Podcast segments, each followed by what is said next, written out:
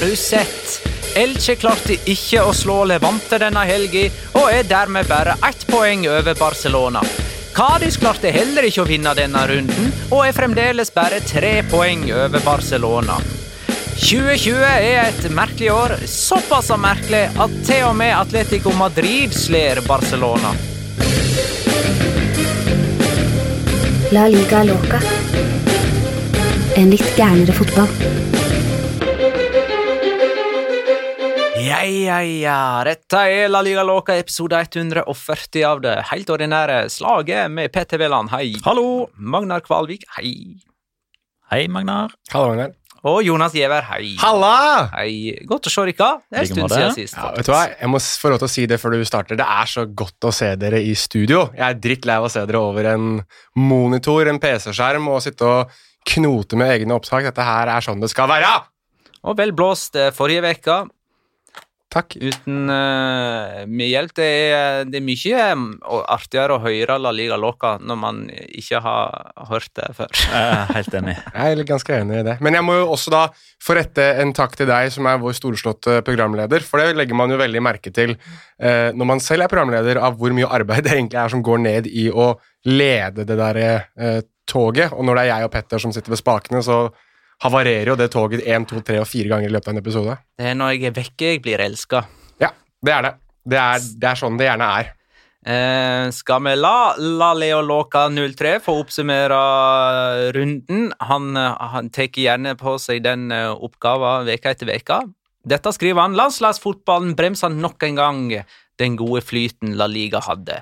Runde ni, altså før landslagsrunden, ble det skåra 32 mål, det ble tildelt 12 straffer og 5 røde kort. Runde ti, den første etter landslagsveka, 22 mål, altså 10 færre. To straffer, altså 10 færre. Og bare ett rødt kort. Riktignok uh, uten at Atletic Real Betis er spilt ennå. Men, men der blir det 5-5 og fullstendig mannefall og eh, åtte straffespark. Eh, Ja, det blir 5-5, åtte straffespark og fire røde kort. Ja, der har du det. Skal vi også la Fredrik Økland få oppsummere Kanskje oppsummere han på sitt vis hele sesonginnledningen. For det han skriver, er at i én og samme serierunde er motstanderne til både Real Madrid og Barcelona oddsfavoritter. Villarreal var oddsfavoritter mot eh, Real Madrid. eh, Atletico mot eh, Barcelona. Når skjedde det sist, skriver han. Det veit nå ikke jeg, i alle fall. Men jeg veit ikke om uh, hvilken oddskilde han hadde heller. Var det sånn jevnt over på alle, Ja, det- ja, altså, alle bettingselskap, Ja, liksom? eh, altså, det kan jeg bare si først som sist at det er svært, svært sjeldent at store bookmakere er uenige om balanseforholdet mellom lag i topp fem-ligaene. Ok. Eh, ser du et lag som er favoritt hos eh, bookmaker 1, så er det 99% sannsynlig at det laget òg er favoritt hos bookmaker 2. Ja, For der, der følger man hverandre slavisk. For der er all informasjon tilgjengelig. All statistikk, all skadeinformasjon, suspensjon, eh, tidligere møter. Der er ikke noe sånn derre Plutselig så kan ikke høyrebekken spille, for han fikk ikke barnevakt. Sånn som det er nede i divisjonene i Norge, f.eks. Jeg begynner å skjønne hvorfor du driver og vinner i de tippekonkurransene våre år inn og år ut, når du vet alt dette her, for jeg visste ikke at det var så At man var så detaljert i det. Det visste jeg ikke, men uh, kult. Men det sier jo litt om eh, La Liga-høsten det, da. Vi kan uh, ta en uh, gjennomgang av runde nummer ti, kamp for kamp, så kjapt som mulig. Osasona Uesca 1-1. Eh, noe som betyr at Uesca fremdeles er uten seier, men likevel ikke helt sist på tabellen, ettersom de har sju uavgjort på sine ti seriekamper. De har tapt mot Real Madrid, Real Sociedad og Cádiz. Dette er vel topp fem, det er ikke det? Ja, Cádiz er på femteplass. Ja. Mm. Det er de eh, tre de har tapt mot, og ellers har de bare spilt uavgjort. Sandro Ramire skåra for Uesca, det er jo alltid verdt å nevne. Det er verdt å nevne. Nå kan ikke være så langt unna Altså, Han har jo åpenbart forbedret statistikken sin fra i fjor allerede, vel. Han hadde vel én scoring for Valladolid. Er tre tror jeg han faktisk fikk til slutt. Var det én for Real Sociedad, da? Ja. Der har vi den. Så, Og null for Sevilla. Ja, nettopp. Så, men han uh, har vel snart slått sin egen sesongrekord etter å komme tilbake fra oppholdet i Everton, uh, og da med tre skåringer som personlig beste tidligere. Det er bra. Så langt unna de der 15 eller 16 han hadde for Malaga den sesongen. Levante Elche 1-1. Levante har én seier og ligger blant de tre nederste lagene som alle har sju poeng. Eh, Levante hadde jo forhåpninger om å være det beste laget i Valencia denne sesongen, ettersom eh, storebrødrene har solgt en hel, spil, en hel spillerstall, men eh, Levante må kanskje feie for egen dør, for de leverer ikke. Via Real Madrid 1-1, en av de store oppgjørene i denne runden. Begge disse er på topp fire og det at de tok poeng fra hverandre, var gunstig for både Real Sociedad og Atletico Madrid. Vi kommer tilbake til den. Sevilla Celta Vigo 4-3. Eh, Sevilla Nei, ja, Celta Vigo beit eh, godt 4-2 vel? 4-2, så, så jeg sa 4-3, jeg. Men 4-2 ble det. Sto lenge 2-1 til Celta Vigo og 2-2, da. Eh, Celta Vigo beit eh, godt fra seg eh, med, under sin nye trener Eduardo Codet, men det ble altså tap i debuten hans. Og Celta Vigo har åtte strake seriekamper uten seier.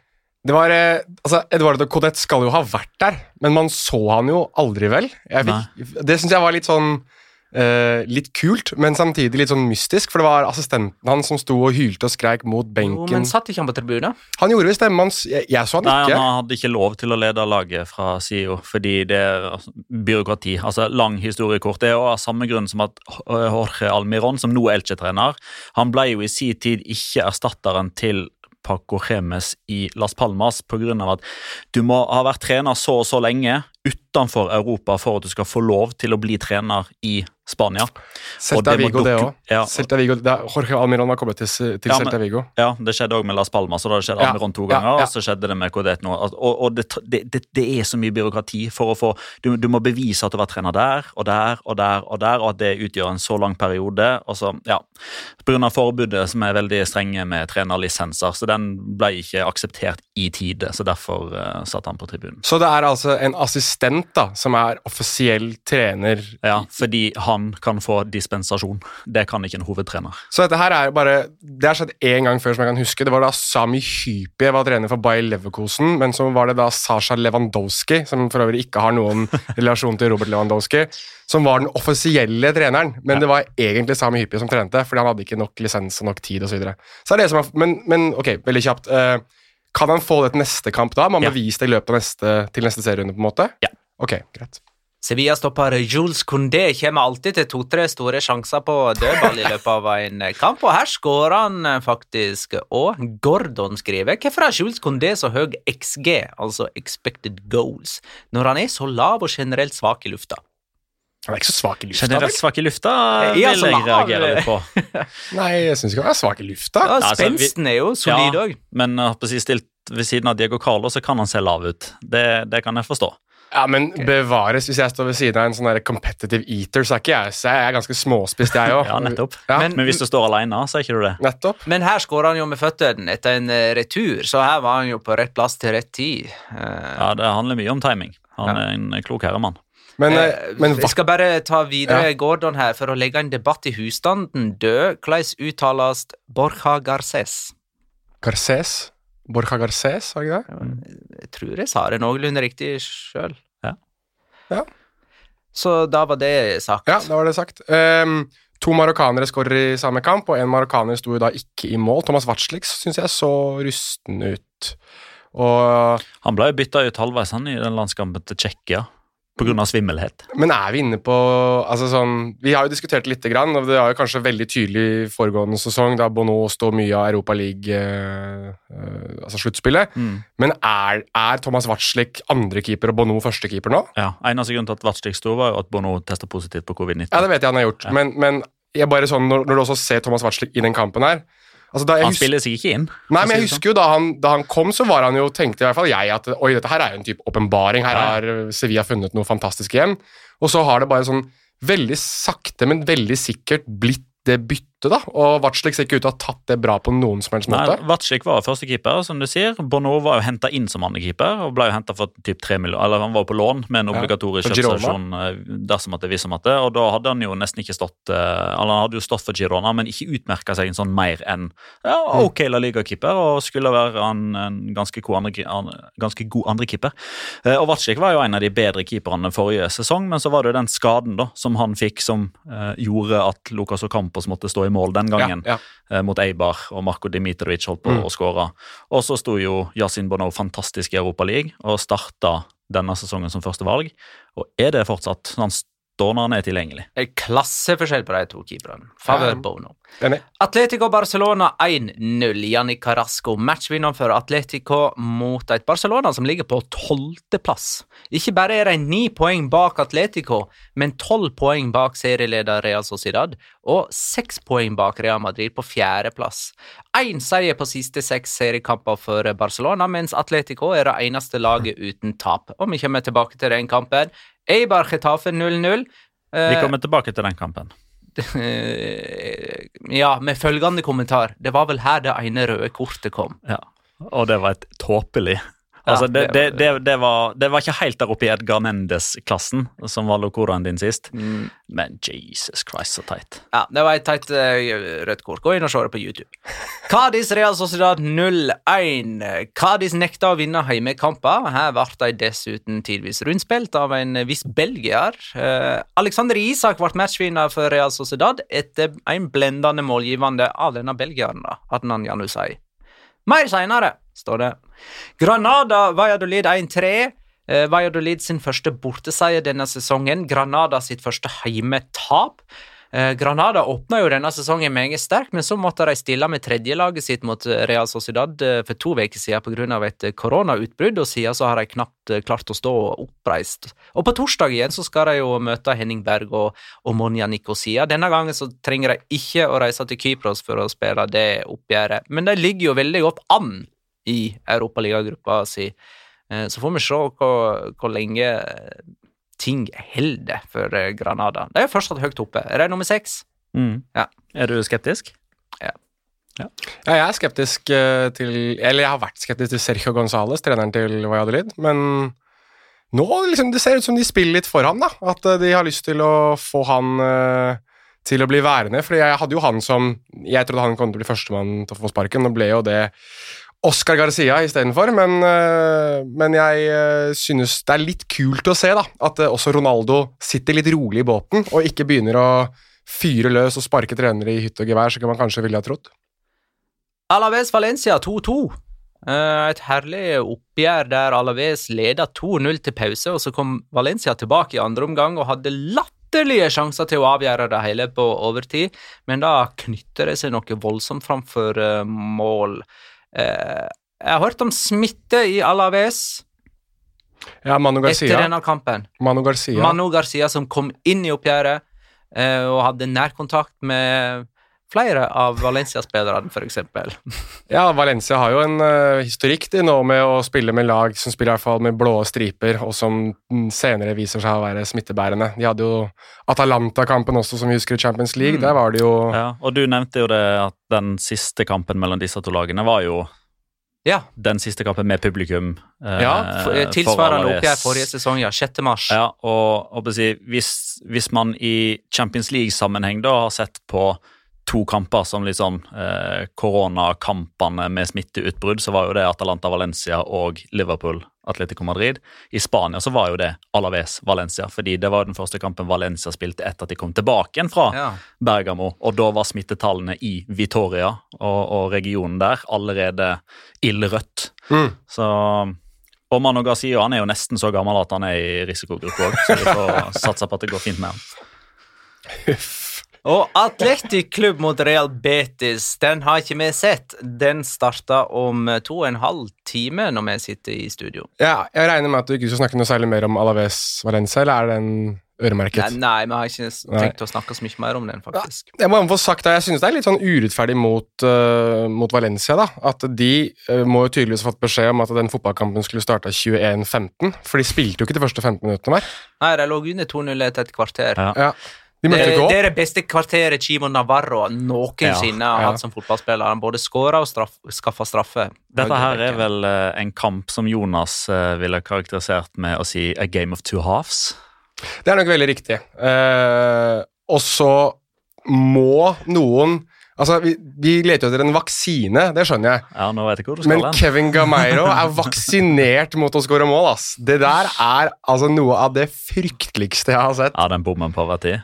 På overtid al spilt alene gjennom nå. Altså, Gonzalo Geders er jo ganske uselvisk. Vanligvis så tror jeg han ville ha skutt der når, han, når de er to mot én. Man spiller Gameiro egentlig nesten på blank kasse, og så Altså, Men det nei. virka jo faktisk som at uh, Gameiro hadde mista sjøltillit lenge før det, for han bomma på et par store sjanser Ja. tidlig i andre omgang. Eh, og, og så kom han alene med keeper, og da fant han ut at han kunne like godt bare slå på tvers til Manu Vallejo til det reduseringsmålet, så han, han, da avslutta ikke han. Men uh, på overtid der så hadde ikke han noen å spille på, da måtte han avslutte sjøl, stakkar. Ja. Nei, det, Nei, det er ikke Men så inn på skader også Gaia ute vel med en form for Det så i hvert fall ut Ja, som han fikk fikk hamstring. eh, hamstringstrekk. Så Ja, Var det strekk, eller var det krampe? Slik han holdt seg, så det er sånn jeg forbinder med strekk, i hvert fall. Men jeg er ikke, det har vel ikke kommet noe kommunikado ennå. Han fikk jo det slaget over øynene i Tyskland-kampen, og så hamstringsskade nå. Så han spilte jo med mange sting over øynene. Ja, den må jo nesten få nevnt, da. De, jeg har ikke fått snakket noe det er jo, Vi er jo ikke så glad i landslagsfotball her, så åpenbart, men den der Ikke i disse dager, men Nei. Men den Tyskland-kampen er kanskje grei å ha nevnt. Den Eh, var drøy, den. men så er jeg inne på val tidligere Valencia-spillere, i hvert fall. tror det beste jeg har sett av uh, Spania siden de slo Italia 4-0 i Ja. EM-finalen Akkurat den jeg skulle trekke Ja, fram. jeg er kanskje Italia, uh, men når Isco lekte Ja, seg på med. Bernabeu Ja. der. Men uh, de hadde jo òg en sånn ganske sjuk kamp på Kroatia, når vi satt i baksetet i uh, leiebilen Zagreb? utenfor. Nei, ja, nei. Eh, når vi satt i, i Sinsheim utenfor Stavanger Ja, ja, Hoffenheim. de spilte i Zagreb. Nei, de spilte hjemme. Gjorde de det? Ja, ja. Ok. Ja, greit. Men jeg, Slo jeg husker det. 6-1 eller et eller annet sånt. Ascensio banka han i krysset et par ganger. Og, Ja, Og så slo de vel Argentina 6-1 ja, da skal Isco hat trick. Ja.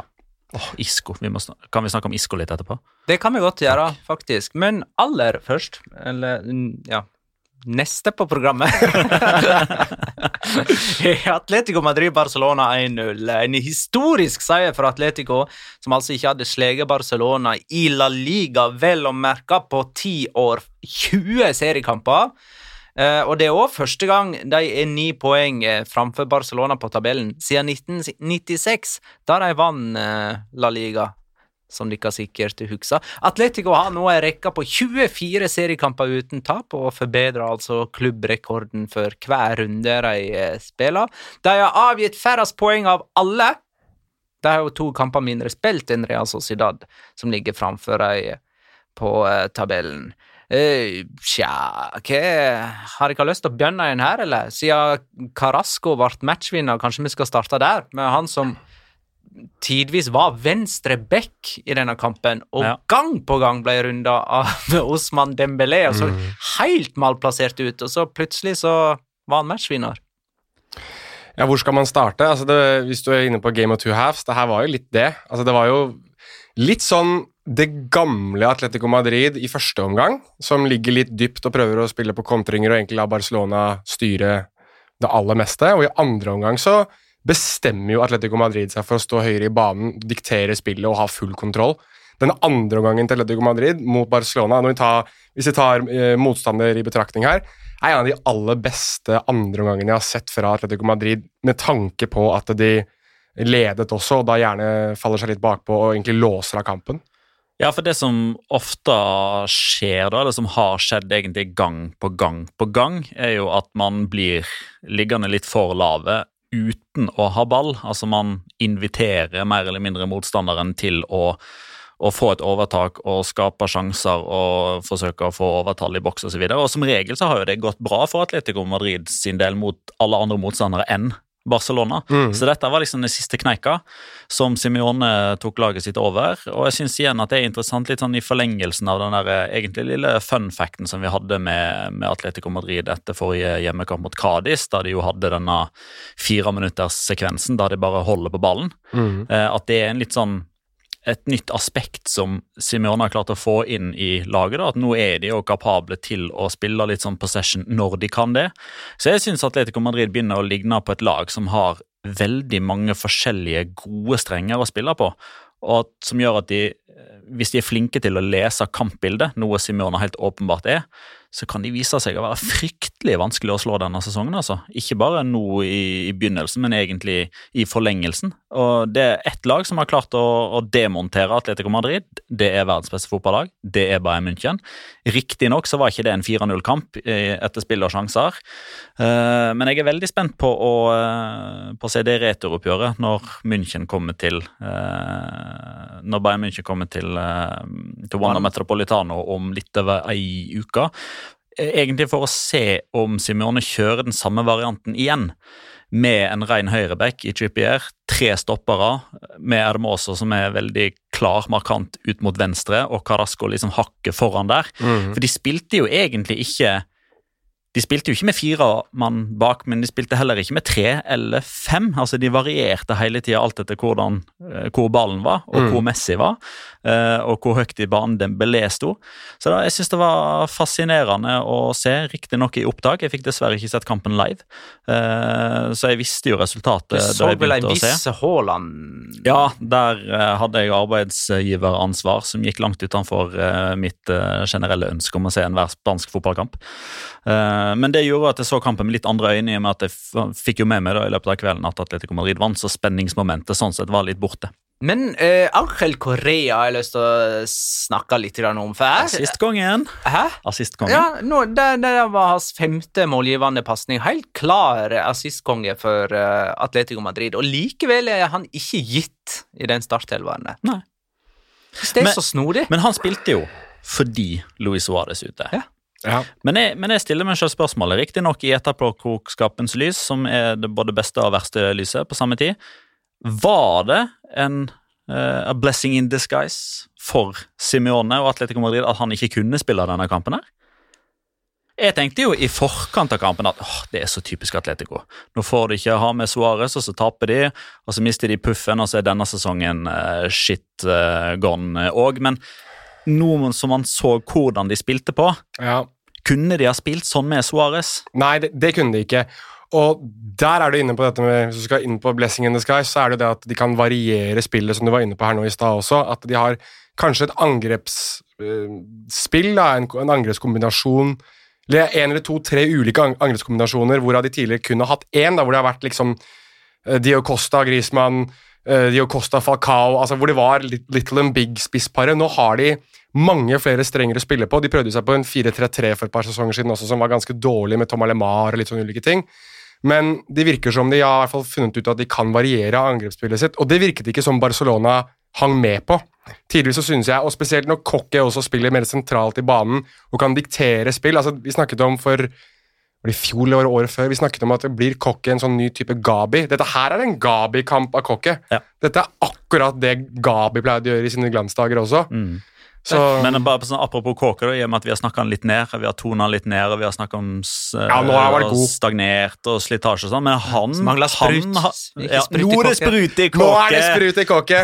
Det er riktig. Nei, men, eh, og det var sprut i kåke mot Tyskland òg. Ja. Altså, han har vært, nå har han, de to kampene hans nå, mot Tyskland og Barcelona, har han vært der opp, at Når det er vanskelig å si han er man of the match en kamp der Ferran Torres skårer hat trick, f.eks., men han er ikke langt unna. Uh, og det sier ganske mye om, de, om det potensialet som bor i ham, og man ser det mye bedre i når han har en sentral rolle i banen, da, synes jeg. Uh, Pedi Johnsen skrev i pausen av kampen Diego Simione har virkelig preppa guttene sine på Messi-Alba-linken. Ikke én vellykka pasning fra Messi gjennom til Jordi Alba. Uh, ja, den blir brutt hver gang. Kyrian Trippier med en solid eh, omgang. Det var vel én pasning fra Jordi Alba til Messi mellom føttene på Trippier, så vidt jeg husker. Men ellers så var den venstresida til Barcelona uh, ganske død i denne kampen. Andreas Svae skriver i hvilken runde snubla Atletico som gjør uh, starta nedgangen deres så de ikke vinner La Liga denne Når sesongen? spiller de borte mot Levante? Ehm, de hadde vel i 13-14 Jeg mener å huske at jeg har hørt det, muligens kan være Spanish Over Podcast som har hatt det her. Men de hadde vel de første åtte kampene sine i 13-14-sesongen, så gikk de også ubeseiret. Jeg tror de vant. Vant alle. Ja. Men i kamp ni så taper de. Og det er jo da neste serierunde, det. Er det ikke det? Er ikke, de er ikke de Hvilken eh, sesong var dette, sa du? 13-14, Når de vant. da de vant 13 ligaen. ja. Da, Men de vant ikke alle. jo, 13-14, første Jo, det, jo, det, jo Ja. Ja. Og de har jo nå spilt åtte kamper nå. Og så I kamp 9 i 13-14 da møtte de et eller annet lag som tapte mot. Og jeg vet ikke om de møter i neste serierunde. Det skal jeg si deg, for det, kan, snak, det snakka vi om for det- ei uke siden. At dette ligger liksom Ja. Dette her har Real Sociedad skrevet litt over seg. Om at Real Sociedad nå møter de Villarreal, som er nummer tre i La Liga, på hjemmebane, etter at Villarreal og Real Madrid har spilt mot hverandre og avgitt poeng. Atletico Madrid og Barcelona har spilt mot hverandre, og minst ett av de avgir poeng. Ja. Og nå skal Atletico Madrid til Mestalla. Oh, ja. Ja, men da går det jo ni på rad, så det er Fordi greit. Valencia, de to virkelig gode kampene de har spilt denne sesongen, her, er mot Real Sociedad Ja. og Real Madrid. Ja. Og nå kommer Atletico Madrid på besøk. Godt poeng. Atletico har tatt 20 poeng nå etter åtte seriekamper. Det er flest siden tittelsesongen 13-14, der de altså hadde 24. Og de har to kamper mindre spilt enn Real Sociedad på Ja. toppen. Det er viktig å ta med. Espanol var det de møtte i niende serierunde 2013-2014, og da tapte de 1-0 etter et sjølmål av Tibor Courtois. Å ja! Ja, ja. Eh, Atletico har to baklengsmål. Det er første gang på 25 år At de eh, har sluppet inn mål. at de har sluppet inn eh, eh, så få etter åtte serierunder. Eh, og 25 år siden, jo, det var i 1995. Eh, altså 95-96-sesongen, der de vant La Liga. Og Simione spilte. Ja, ja, ja! Sverre B. Enic er en eh, kollega av meg i Strive. Han skriver En kompis spurte meg i går om Barcelona kan komme utenfor topp fire. Jeg svarte nei uten å tenke meg om, men så så jeg litt ekstra på tabellen. Jeg er jaggu ikke like sikker eh, lenger. Kan det skje? Ja. At de ender utenfor topp fire? Jeg Ja, det kan, ja, det kan skje, men jeg, jeg tror ikke det skjer. Men jeg, jeg forstår at vi nå er inne på et spor der vi faktisk snakker om det er reelt eller ikke. Ja, Det, men- det, det, det er litt sånn som når vi i fjor eh, sommer, eller nei, tidligere denne sommeren her, eh, for å dra en sammenligning eh, Før så hadde man blitt lagt inn på enten Gaustad eller Valen sinnssykehus, og man hadde snakka om at to nordmenn skulle spille på lag i Real Madrid. mm. Eh, Haaland er der eh, kanskje om eh, et år eller to, hvis Peres får det som han vil, og Ødegaard er der allerede. Mm. Dette her er litt sånn Før så hadde man blitt stilt diagnose på hvis man sa at ja, men Barcelona spiller ikke Champions League neste år. Nå kan vi faktisk snakke om det uten at folk ler av oss. Ja, men se på laget deres nå, da. Altså, når de i tillegg også får to nye skader i Gerard Piquet og Sergio Roberto, og den Piquet-skaden er vel tre til fem måneder. Ja, man frykter det. Ja, og de har strengt tatt ikke fått angrepsspillet til å fungere over lengre tid.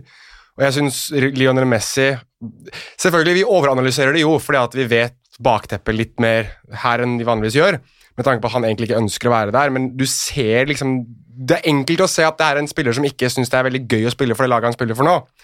Og når du da i tillegg da har Ronald Coman som ikke virker som mest forenende faktoren i den garderoben der. ehm, så øh, Altså, Busquets er, er, skada den kampen her, vel. Uh, og du har i tillegg Sergio Roberto som er skada, du har Piquet som er skada. Altså, alle de ledestjernene. Rakitic er borte, Vidal er borte, Suárez er borte. Så kommer Marc-André til Stegen endelig tilbake, og så gjør han en feil med en gang. Nettopp. Så det er, det er mye på én gang, da. Og på- for å svare på spørsmålet, det var et langt resonnement for et, egentlig, et ganske enkelt svar. Jeg tror at dette kan være sesongen der de, der de ikke kvalifiserer, til, til, kvalifiserer seg til Champions League, fordi det er så mange andre som gjør det så mye bedre, og fordi at det er en litt sånn annerledes sesong. Ja, Altså, Det føles som en, en mellomsesong dette Ja. for Barcelona. En slags eh, identitetskrise som skal vare i et eh, år, der de nå skal finne et nytt presidentskap og etter hvert gå tilbake til en mer kjent profil, og så starte med blanke ark i neste sesong, men de har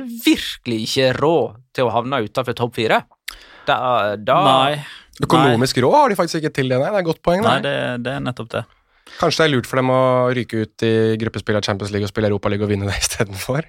Ja, og kvalifisere seg til Champions League eh, Ja, men vet du hva, Det satt jeg faktisk og tenkte på. Uh, at eh, Jeg tror det er enklere. Ja, det er nok det, men samtidig så har man jo satt seg sjøl i en litt sånn Litt sånn kinkig situasjon der, for da, da begynner man i så tilfelle å tape fotballkamper med vilje i slutten av Champions. League-gruppespillet nå, i og med at de har ni, ni av ni. Ja da. Eh, så det å bli nummer tre i den gruppa der eh, Ja. La nå Tokmak få banke inn og kaste mot dem, da. Ruben Sætre skriver Hvem blir den nye treneren til Barcelona? Uh, Jan André Muraz Hagen skriver Har noen hatt et verre startutgangspunkt som trener for en storklubb enn eh, Koman? Uh, med bakgrunn i alt det du sa uh, i stad, Jonas. Ja, Godt spørsmål. Juan de Ramos kanskje i Real Madrid for en del år siden? Han kom vel med et forslag sjøl, gjorde han ikke? Eller var det en som svarte på det? Eh, For jeg leste Ja, i den at Jo, eh, jeg lurer på om han Gary foreslo Neville i Gary Valencia, Neville i liksom. Valencia. Og han Ja. kanskje hadde et verre utgangspunkt, eh, men eh, Nei, da må man vi nesten ta med nesten ta i betraktning at, at Gary Neville hadde null trenererfaring, og det gir jo et dårlig utgangspunkt. Det gjør det. Vincenzo Montella i Sevilla hadde, kom ikke, hadde vel ikke helt herlig, han heller? Eller var det bare han som var elendig? Det er kanskje litt forskjell på de to. Tror det går, tror det går mer på han. Messi har skåra fire mål på bortebane i 2020 på 17 kamper. Ja, og ingen av de har vært avgjørende. Nei. Det er bare sånn 2-0 på Ja, han har- han har to av fire.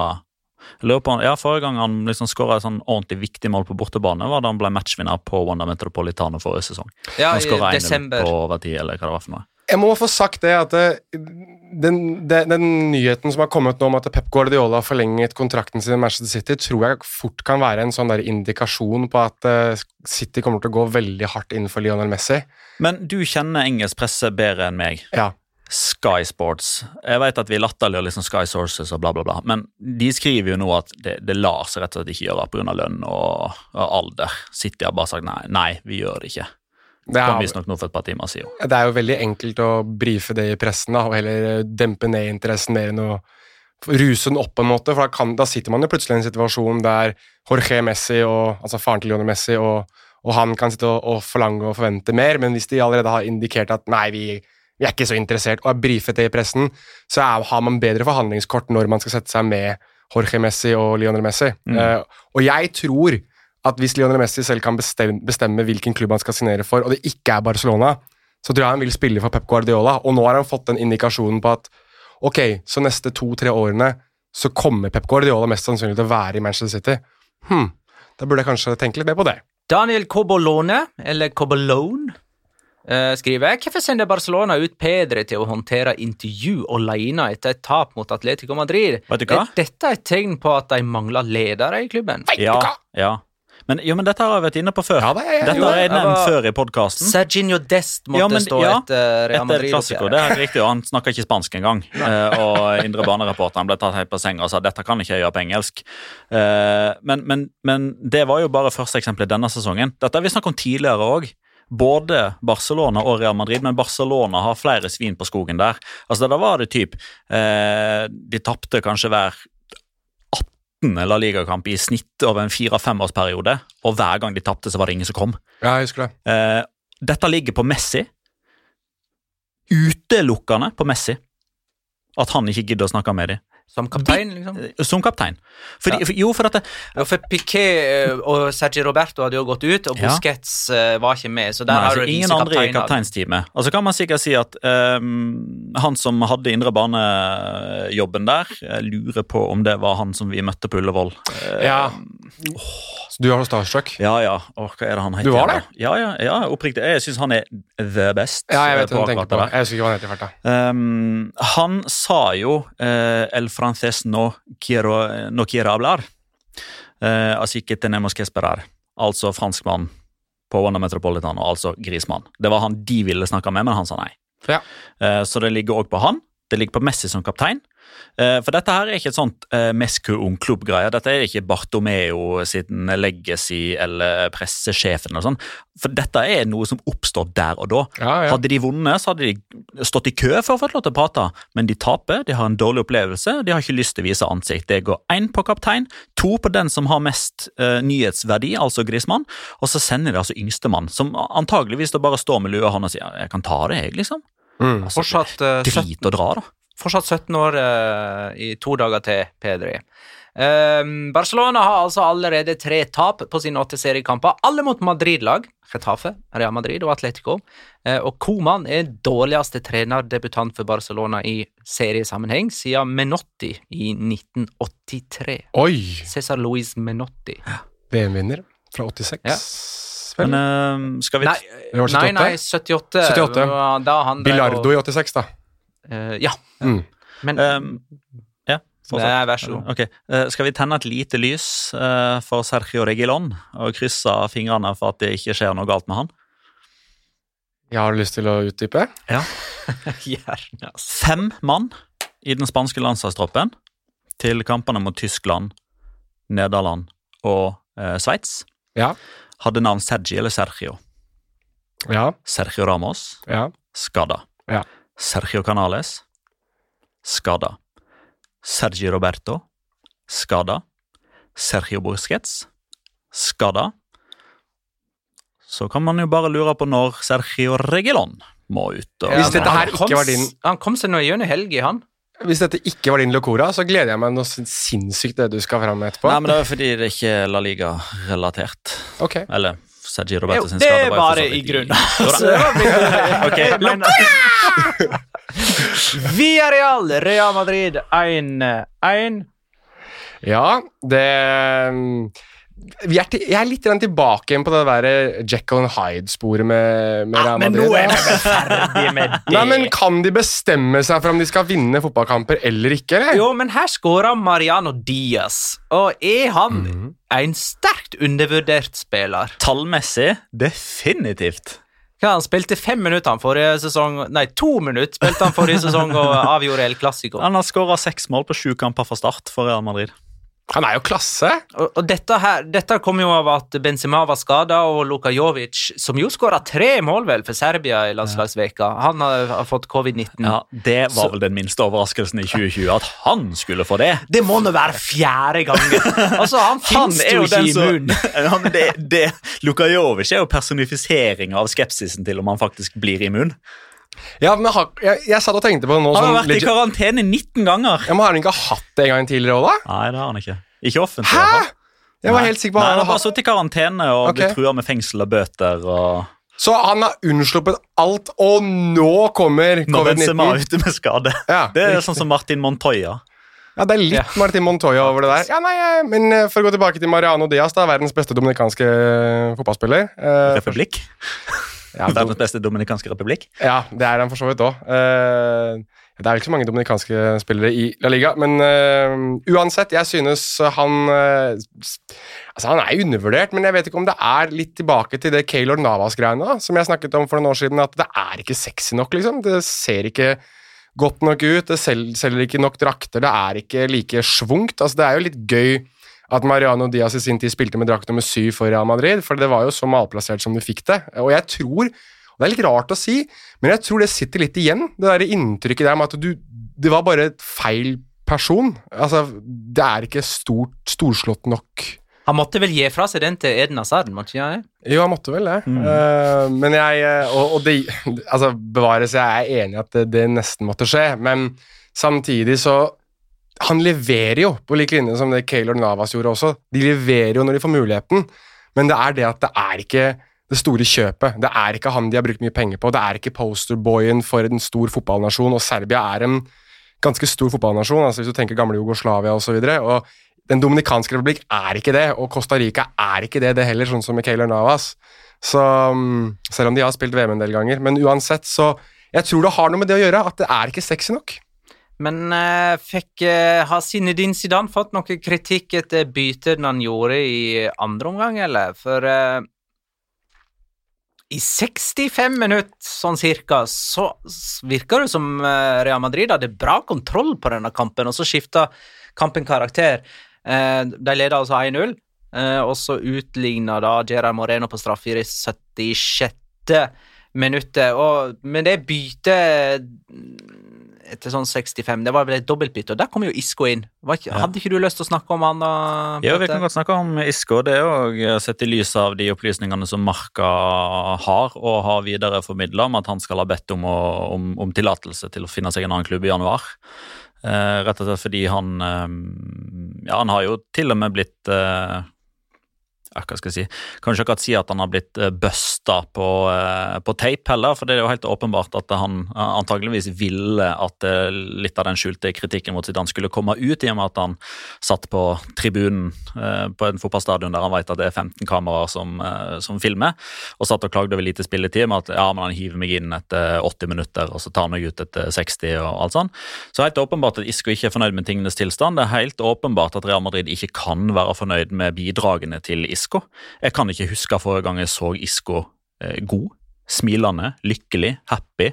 Eh, og nå begynner det jo òg å gå utover Eller jeg skal ikke si at det begynner å gå utover privatlivet, men eh, Real Madrid-fansen har jo eh, lagt bortimot all skyld på Isco sitt fall på hans fru.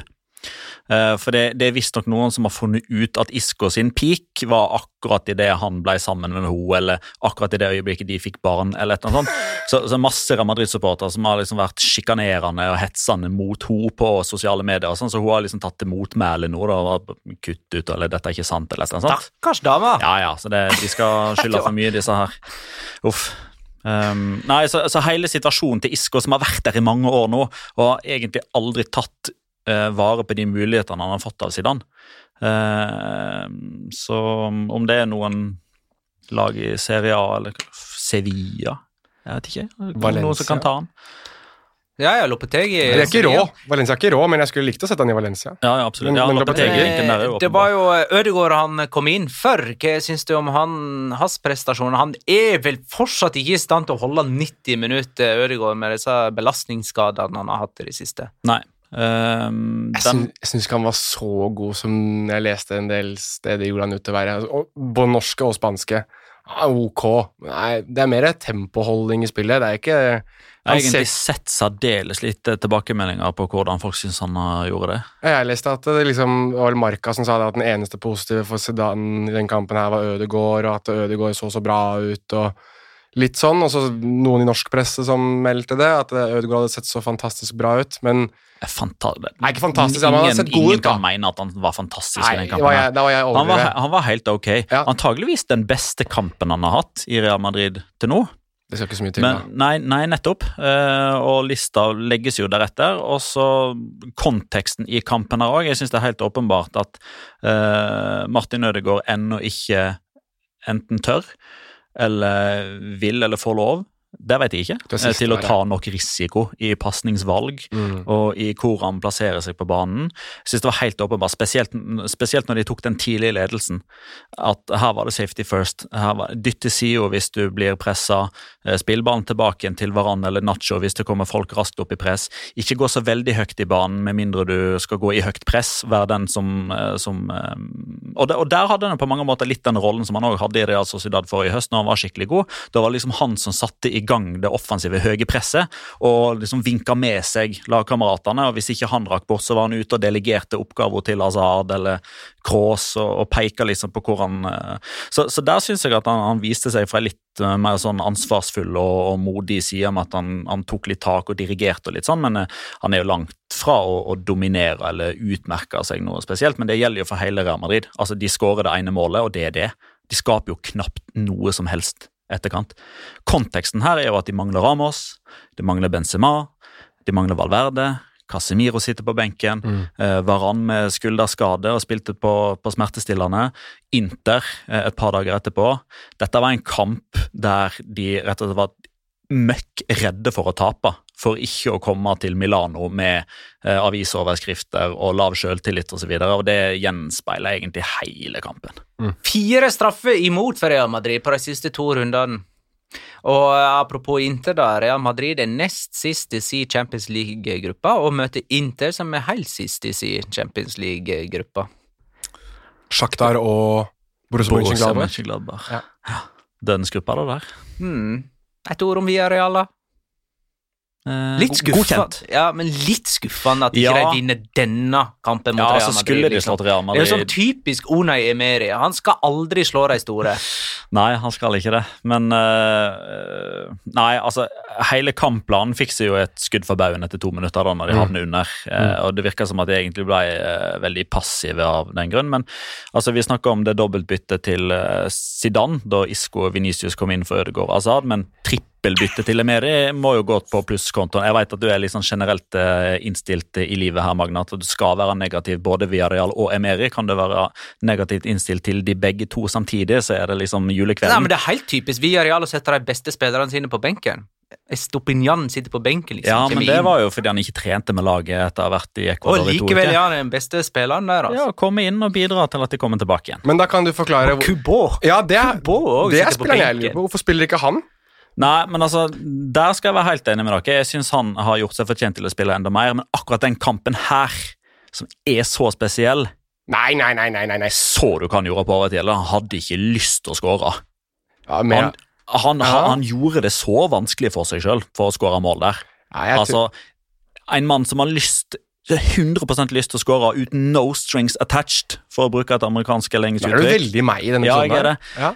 Har han 100 lyst til å skåre det uten Ja. å tenke konsekvenser, så banker han jo til på ett touch. Ja. Istedenfor for så plutselig kan han plutselig være Iniesta og dra sånn tofotsgreier og avslutte med den andre foten. Kroketa heter det. Og så hadde ikke de eh, eh, Paco Alcácer tilgjengelig, da. Nei. Så Carlos Bacca det var jo en spiller som kom opp igjen fra de døde her, som plutselig Det er, altså at, han, at de knærne hans ikke har gått ennå, er jeg synes, hver gang, Vi nevner det i hver episode, men jeg må bare få sagt det.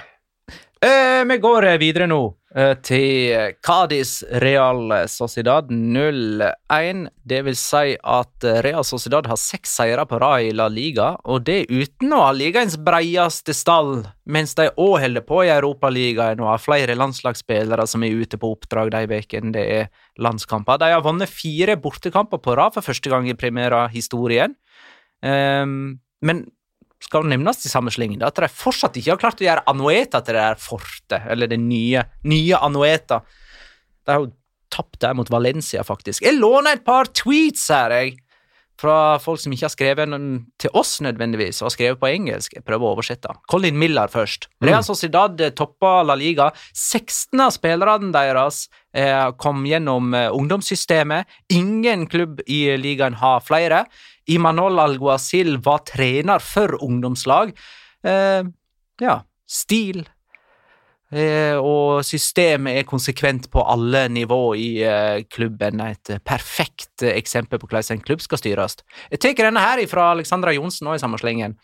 Eh, hun har sagt det før og sier det igjen, hvor utrolig det er med for Real Sociedad, med hvor mange spillere som på en måte kan utgjøre den store forskjellen. I den ene kampen så er det Porto, eh, i den andre så er det Oyar Sabal, og i den neste er det Merino, og så Isak, og nå da Adnan Janusei, eh, og neste gang kanskje David Silva. Det er liksom alltid en fyr som bare stikker ut og dominerer oppgjøret deres.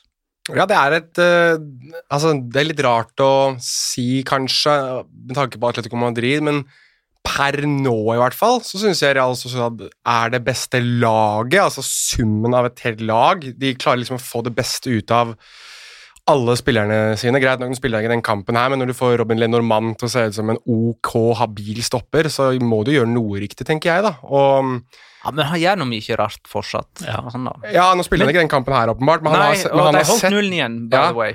Og, og de gjør ikke bort noen straffespark, så det er jo tydeligvis eh, riktig å ikke bruke han. Men, eh, men nei da, jeg, jeg er litt enig spesielt i den ungdomssatsingen deres, og at de Det har nesten blitt litt sånn for meg at eh, det er, det er ganske Det er få garantier da i La Liga denne sesongen, her, men en av de garantiene jeg liksom setter meg ut nesten hver eneste runde, er at med mindre Real Sociedad møter Atletico Madrid, Real Madrid eller Barcelona, så har jeg liksom bak øret at de vinner nok kampen sin, for det har blitt så vanlig nå at de gjør det, og gjør det ganske uh, imponerende. Um, og da er jo spørsmålet som jeg stiller meg, er eh, Nå har vel de spilt ti serierunder, mm. og de ligger der de ligger. Altså, de er, de er eh, på tabelltopp og eh, har egentlig sett fantastisk ut uansett hvilke lag de har møtt, syns jeg, med, med unntak av Valencia, men det er liksom den freak-kampen som man skal ha i en sånn tikampersrekke. uh. Men eh, kan de utfordre? Det er der jeg sitter og lurer.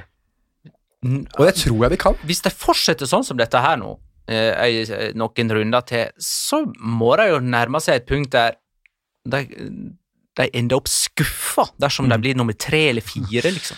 Ja, litt sånn som forrige sesong, da de var nummer fire, og så endte de opp og ble nummer seks, og kom tilbake mm. til Europaligaen, men det var liksom Ja. ikke Men godt det var, nok. men det var korona som ødela for dem, vil jeg mene. Jo, jo. Jo, jo, men allikevel. Ødelagt for alle, den. Ja, det er det. Um, Men de fikk virkelig kjenne på det, for de så seige ut etter korona. Ja. Det var de vi snakket om mest, at så Ja, ja, dårlige ut. Men øh, jeg bare prøver å huske tilbake igjen her. Uh, for nå, nå, altså Vi har jo gjort det alle her, altså fulgt La Liga såpass lenge at det, det skal man, altså Vi, vi vet uh, mer enn noen andre hvor sjokkerende det ville ha vært hvis noen andre enn Real Madrid og Barcelona og de siste årene Atletico Madrid vinner La Liga. Så har vi snakka om at ja, kanskje kan Sevilla være det laget fordi de har vært oppe og nikka der. Vi husker Granada var serieleder etter ti serierunder forrige sesong. Vi snakker om Granadas og Alavester og eh, Levante i den der syke 2011-2012 eller 2012-2013-sesongen Ja, ja, som altså hadde sju seire og to uavgjort etter, etter ni kamper. Så tenker jeg liksom De har på en måte gjort seg fortjent nok til å eh, å bli snakka om i et sånn ah, kan de bli seriemestersegment. Um, og så er det òg den X-faktoren som ikke har vært der før, med 2020 uten tilskuere og korona. Ting er annerledes, den økonomiske situasjonen, generasjonsskiftet i Barcelona, Messi vil bort, bla, bla, bla. Uh, men det, jeg merker at det er et eller annet som liksom skriker innvendig meg. Uh, hvis Nei, nei de, de kommer ikke til å vinne La Liga. De, de kommer, nei. Sorry. Det, nei, det kommer de ikke til å gjøre. Nei, jeg sier ikke at, sier ikke at de men, og, men, øh, at de utfordrer, det, det skal du ikke se bort ifra. Jo, men vi, hvordan vil du da definere en, å ha vært en utfordrer når sesongen er ferdig? Hvis du, på, hvis du har spilt 30 seriekamper, Mm. og du ligger fortsatt innenfor rekkevidde til å kunne vinne ligaen Ja, men alle lag som er innenfor 30 poeng til serielederen med 10 serierunder igjen, er innenfor rekkevidde. Ja, men si med 6 poeng opp til serieleder, da. Åh. Vær så god. Jo, jo, men denne her er det veldig lett å skjule seg bak hvis de blir nummer seks uh, i, uh, i mai. Altså, ja, men i mars så var det jo fortsatt bare yeah. åtte poeng. sant? Skjønner du hvor jeg vil hen? Ja, det... Så må si noe om den målgivende pasningen til Adnan. Ja, du sier eller? Poenget mitt da, er at de har, av de store kanonene, så har de kun møtt Real Madrid. Og de spilte de 0-0 mot. De har ikke spilt mot Atletico Madrid. De har ikke spilt mot laget som er nummer tre i La Liga, som er Villarreal. De har ikke spilt mot Barcelona. De har ikke møtt Sevilla. De har ikke hatt et Basker-derby ennå, borte mot Atletic. Altså, ting kan snu veldig kjapt her, altså. Eh, og Ja, Real ja, ja. Sociedad var gode på høsten forrige sesong òg. Altså, det er ikke, det er ikke meninga å være negativ, men nei. Eh, det skal nok veldig mye mer til for at jeg skal si at Real Sociedad er en tittelutfordrer, bare fordi de er serieleder etter tiden. Nei, jeg sier at dette her blir spennende. Jeg tror de, tror de kommer til å bite ordentlig fra seg. Det er annerledessesongen. De vinner nok ikke, men at de kan utfordre, det tror jeg. Hadde han en du sier, da. Han er flink, han. Han er flink. Hvis man Når ser, han er god, så er han skikkelig god. Ja, det der, Tenk hadde han vært sånn hele tiden. Når man ser høydepunktet fra denne kampen, her, så gjør han noe briljant i hvert eneste. Og burde hatt minst tre målgivende pasninger. Vet du hva minner var meg om? ikke hans sin feil at det ikke ble det. for å si det sånn. Vet du hva minner meg om når du sier det, at, han er, gjør alltid noe helt sånn enestående hver eneste kamp? Carlos Vela. Carlos Vela hadde akkurat det samme med at han, han Jo, han gjorde noe enestående i hver kamp, men det Ja. er jo ikke han Adnan Janusai. Han gjør det i ny og ne. Jeg syns syns Janusai har alltid én eller to det detaljer i hver kamp. Altså, Car Carlos Vela var jo, var jo Ja. ellevill. Ja, og forskjellen der var at Carlos Vela var jo stabilt god. Ja, åpenbart. Men det er noe Carlos Velask ja. Velask. Ja, Velansk over um, uh, over Adnan Janusai. Uh, jeg får i hvert fall litt den der eh, Carlos Vela-vibben innimellom av uh, Adnan Janusai, men det kan jo godt være også fordi spiller på høyre, venstrefota, kutter innover. Carlos Vela var jo åpenbart helt ekstrem, og det skal ikke sammenligne noe mer enn som så, men hvis du skal prøve å sette opp hvem er det han minner meg om i eh, Real Sociedad sin historie, så er jo plutselig Carlos Vela den jeg tenker på først. Ok, skal vi ta og runde kåren spiller? Det kan vi godt gjøre. Det kan vi Eh, godt gjøre. vi kan godt Vi skal eh, kåre runden spiller. Vi har hver vår nominerte. Ble vi enige om hvem som var nummer tre?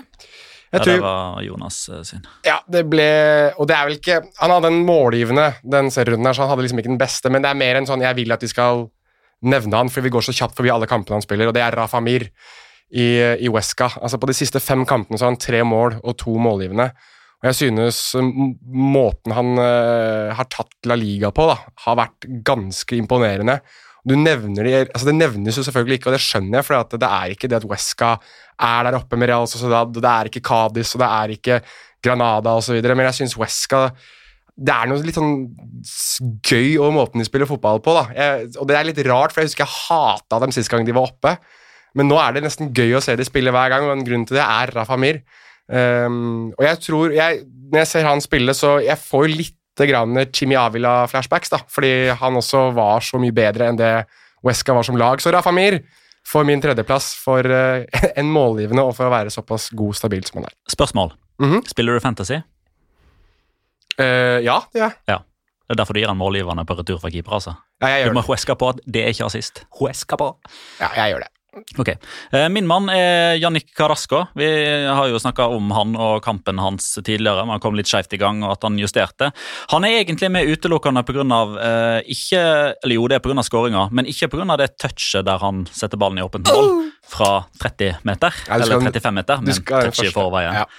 Eh, og hadde det ikke vært for at jeg ikke hadde tid, eh, så hadde jeg gått tilbake igjen i katalogen vår og leita etter den Adoris-episoden der eh, du, Magnar, eh, beskriver det med jordbær og fløtesaus, og det var ikke måte på hvor godt det var.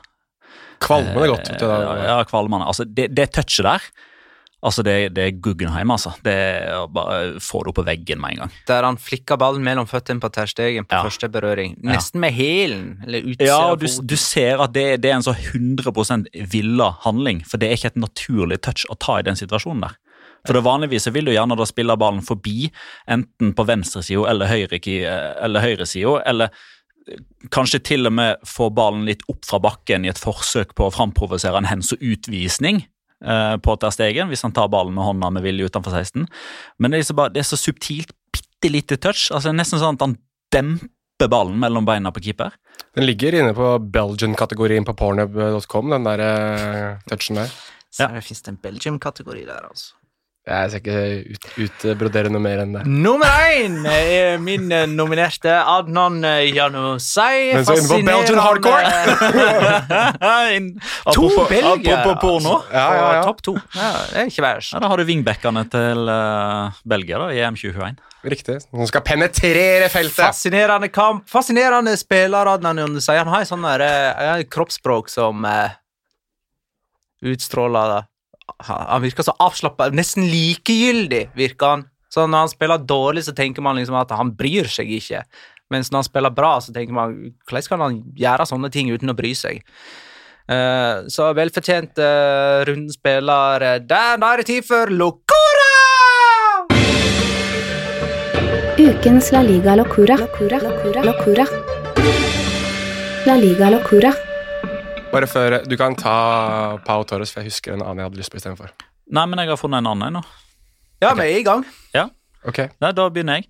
Eh, fordi de siste sesongene så Altså, alle som har hørt på La Liga Loca og som har fulgt med på Twitter osv., vet jo at jeg elsker nedrykksstrid eh, mer enn noe annet. Og jeg syns det er så gørr når det er avgjort før siste og nest siste serierunde. Eh, for når du får de der ti kampene samtidig og én scoring i sør gjør at eh, det er fullstendig haraball i nord i minuttene etterpå, det er noe av det gøyeste som fins. De siste sesongene så har det jo absolutt ikke vært sånn, med Español som abonnerte på 20.-plassen forrige sesong, Rayo Vallecano og Uesca som delte på den eh, sesongen før det. Sesongen før det igjen så var det Las Palmas og Malaga. I 2016 og 2017 så var det Osasona og Levante, eller Osasona og, og Granada. Så de siste fire fulle sesongene så har liksom nummer 19 og nummer 20 parkert. Ferdig. De spora av i serierunde to og tre og kom seg aldri på skinnene igjen. Denne sesongen, derimot, så har vi nå også spilt ti serierunder, og det er åtte forskjellige lag som har vært jumbo. Nå er det Celta Vigo som har bytta trener, som ligger da A-poeng med Levante og Oesca. Levante og Oesca, som tidligere da har vært eh, tabelljumbo etter serierunde seks og ni. Så eh, det forteller ganske mye om eh, denne sesongstarten. Vi har snakka mye om toppen, som naturligvis er mer interessant, med Real Sociedad og Atletico Madrid og Villarreal og Real Madrid og Barcelona som ikke er der. Og så er det pinadø meg gøy i bunnen òg. Ja, jeg eh, skrinlegger faktisk den eh, lokoren jeg egentlig skulle ha. Jeg går til den jeg egentlig hadde lyst til å ta, som jeg kom på underveis her i episoden. Og det er eh, Vi snakket om han i stad, Pervis Stupinjan. For han hadde litt drama, han, eh, i løpet av eh, uka som var. Han eh, Nå 18. november klokken 12.38, altså på dagen, så la han ut en tweet der han eh, ba om hjelp. Han hadde mistet tre kofferter, altså tre sorte kofferter. Og i en av disse koffertene i Quito så var passet hans. Så han ba folk om hjelp. Vær så snill, kan dere hjelpe meg? Her er mailen min. Jeg trenger eh, å komme meg tilbake til Spania. Send meg en mail! Send meg en mail på hvor om dere har funnet det. Var det pervis18 at gmail.com, eller? Nei, du, det var pervis at 433media.com. Oh, ja. Eh, så der kan dere sende mail til Pervis Estopinian hvis dere lurer på noe. Eh, og klokka 6.23, altså typ seks timer etterpå, så var eh, pass, eh, passet hans og alle koffertene funnet. Og de som hadde sporet det opp, de fikk lov til å få da et bilde med Paris Estopinian, hvor han skrev da eh, Gud, takk dere for deres hjelp. Men flyet var godt. Det hadde nok, men han kom jo tilbake, for han hadde jo en flyvende prestasjon mot Real Madrid. Eh, Min locora går til Valencia-spillerne som tviholder på den gode, gamle Valencia-identiteten, som går ut på det at du skal ikke vinne mot en svak motstander når du nettopp har sleget regjerende seriemester eh, Real Madrid med tre mål. Eh, De spilte en god nok andreomgang til å snu kampen mot eh, Alaves. Allerede før det var spilt 90 minutter, hadde Valencia store og mange nok sjanser til å skåre flere enn de to de faktisk skåra for å innhente Alaves sin ledelse. Men det var i overtiden at de virkelig demonstrerte hvor sterk Valencia-sjela deres faktisk er. Først bomma Gameiro alene med keeper seks minutter på overtid, og så gjorde Manu Vallejo det samme sju minutter på overtid. Og Da kom det tydelig fram hvordan Valencia-spillerne hadde innsett at dette var ha sleget Real Madrid med tre mål, så skal jo ikke de slå et lag som Vesla Alaves i neste runde. Det er ikke en Valencia-ting å gjøre, nemlig, så de måtte bomma på de sjansene for at verden skulle være i vater, og det ser han jo på måten de bomma òg. De var ikke i nærheten av å skåre, de prøvde ikke. 2020 er et uh, merkelig år, men ikke så merkelig at Valencia vinner både som underdog og favoritt to runder på rad. Gratulerer og lykke til, Valencia. Nå skal vi tippe. Og det kan jo hende vi skal tippe på Valencia, jeg er ikke helt sikker ennå, faktisk. De møter altså Atletico Madrid på Mestalla, men et annet alternativ er Real Sociedad via Real. Tar den heller eh, da, altså. Da jo Atletico Madrid sist tipperunde. Skal Ja. vi bevege oss blir det? Real Sociedad via Real. Ja. Petter Bønna. Eh, jeg kan jo ta forrige. Det kan jeg. For det at dere tippa jo Ja, stemmer det. Du. Atletico Barcelona 1-0 eh, med Carasco som første målskårer. Det var altså fasiten på forrige runde. Jeg hadde 1-2 med Antoine Griezmann, eh, som gir null poeng. Jeg har åtte. Petter hadde 2-1 med Suárez. Det gir ett poeng. Du har òg åtte. Jonas hadde 1-1 med Suárez. Null poeng på det, Jonas. Du har tre. Neste kamp, altså. Real Sociedad via Real. Petter får begynne. Eh, ja, ubåten har jo et godt tak på Real Sociedad på Noeta. Uh, hjelper Real Madrid og Atletico Madrid litt tilbake nå, med at de deler poengene, tar ett hver. Kampen er 1-1. Uh, og den som skårer det første målet, er Paco Alcácer. Jeg har 1-2. Gerard Moreno. Hmm, 1-0. 1-0 er det tredje runde på rad at vi har en bortseier, heimeseier, uavgjort. Oyar Sabal. Ojar Sabal. Ja, men så moro, da. Pål Vincent Surke har et eh, straffetips til Ja. Jonas. Go on. Det er å gjennomføre en episode på nynorsk. Ja, det, Vi ble vel enige om det, å bytte dialektene våre i løpet av episoder. Det har vi prøvd en gang før, og det funket ikke bra. Og i tillegg, jeg hadde fritak fra nynorsk på både ungdomsskole og videregående. Så Og det siste vi trenger, er vel enda en østlending som skal sitte og gjøre narr av nynorsk. Det har Harald Eia gjort nå i 25 strake år, eh, og ja, vi får aldri nok. Nei, jeg eh, Vet da faen hva jeg skal si, jeg! Men uh, jeg, nei, jeg, jeg syns det er, det, er godt, det er et godt tips. eh, Eller Hvem godt har fese? forslag. Nei, Harry Fese. Eh, Da, Det blir antagelig ikke nynorsk. har du Jeg, jeg liker ikke, jeg Det er ikke det, og, og Jonas liker ikke det. Nei, jeg, syns- jeg, jeg syns vi skal stemme ned det forslaget. Ja, men Men jeg er mer mange interessert i det forrige gang vi skulle gjøre noe lignende. Ja, men jeg er mer interessert i det spørsmålet du stilte her nå, sånn midt i det hele. Er det noen som har prompa? Tusen takk for at du lytta, kjære lytter. Ha det, da!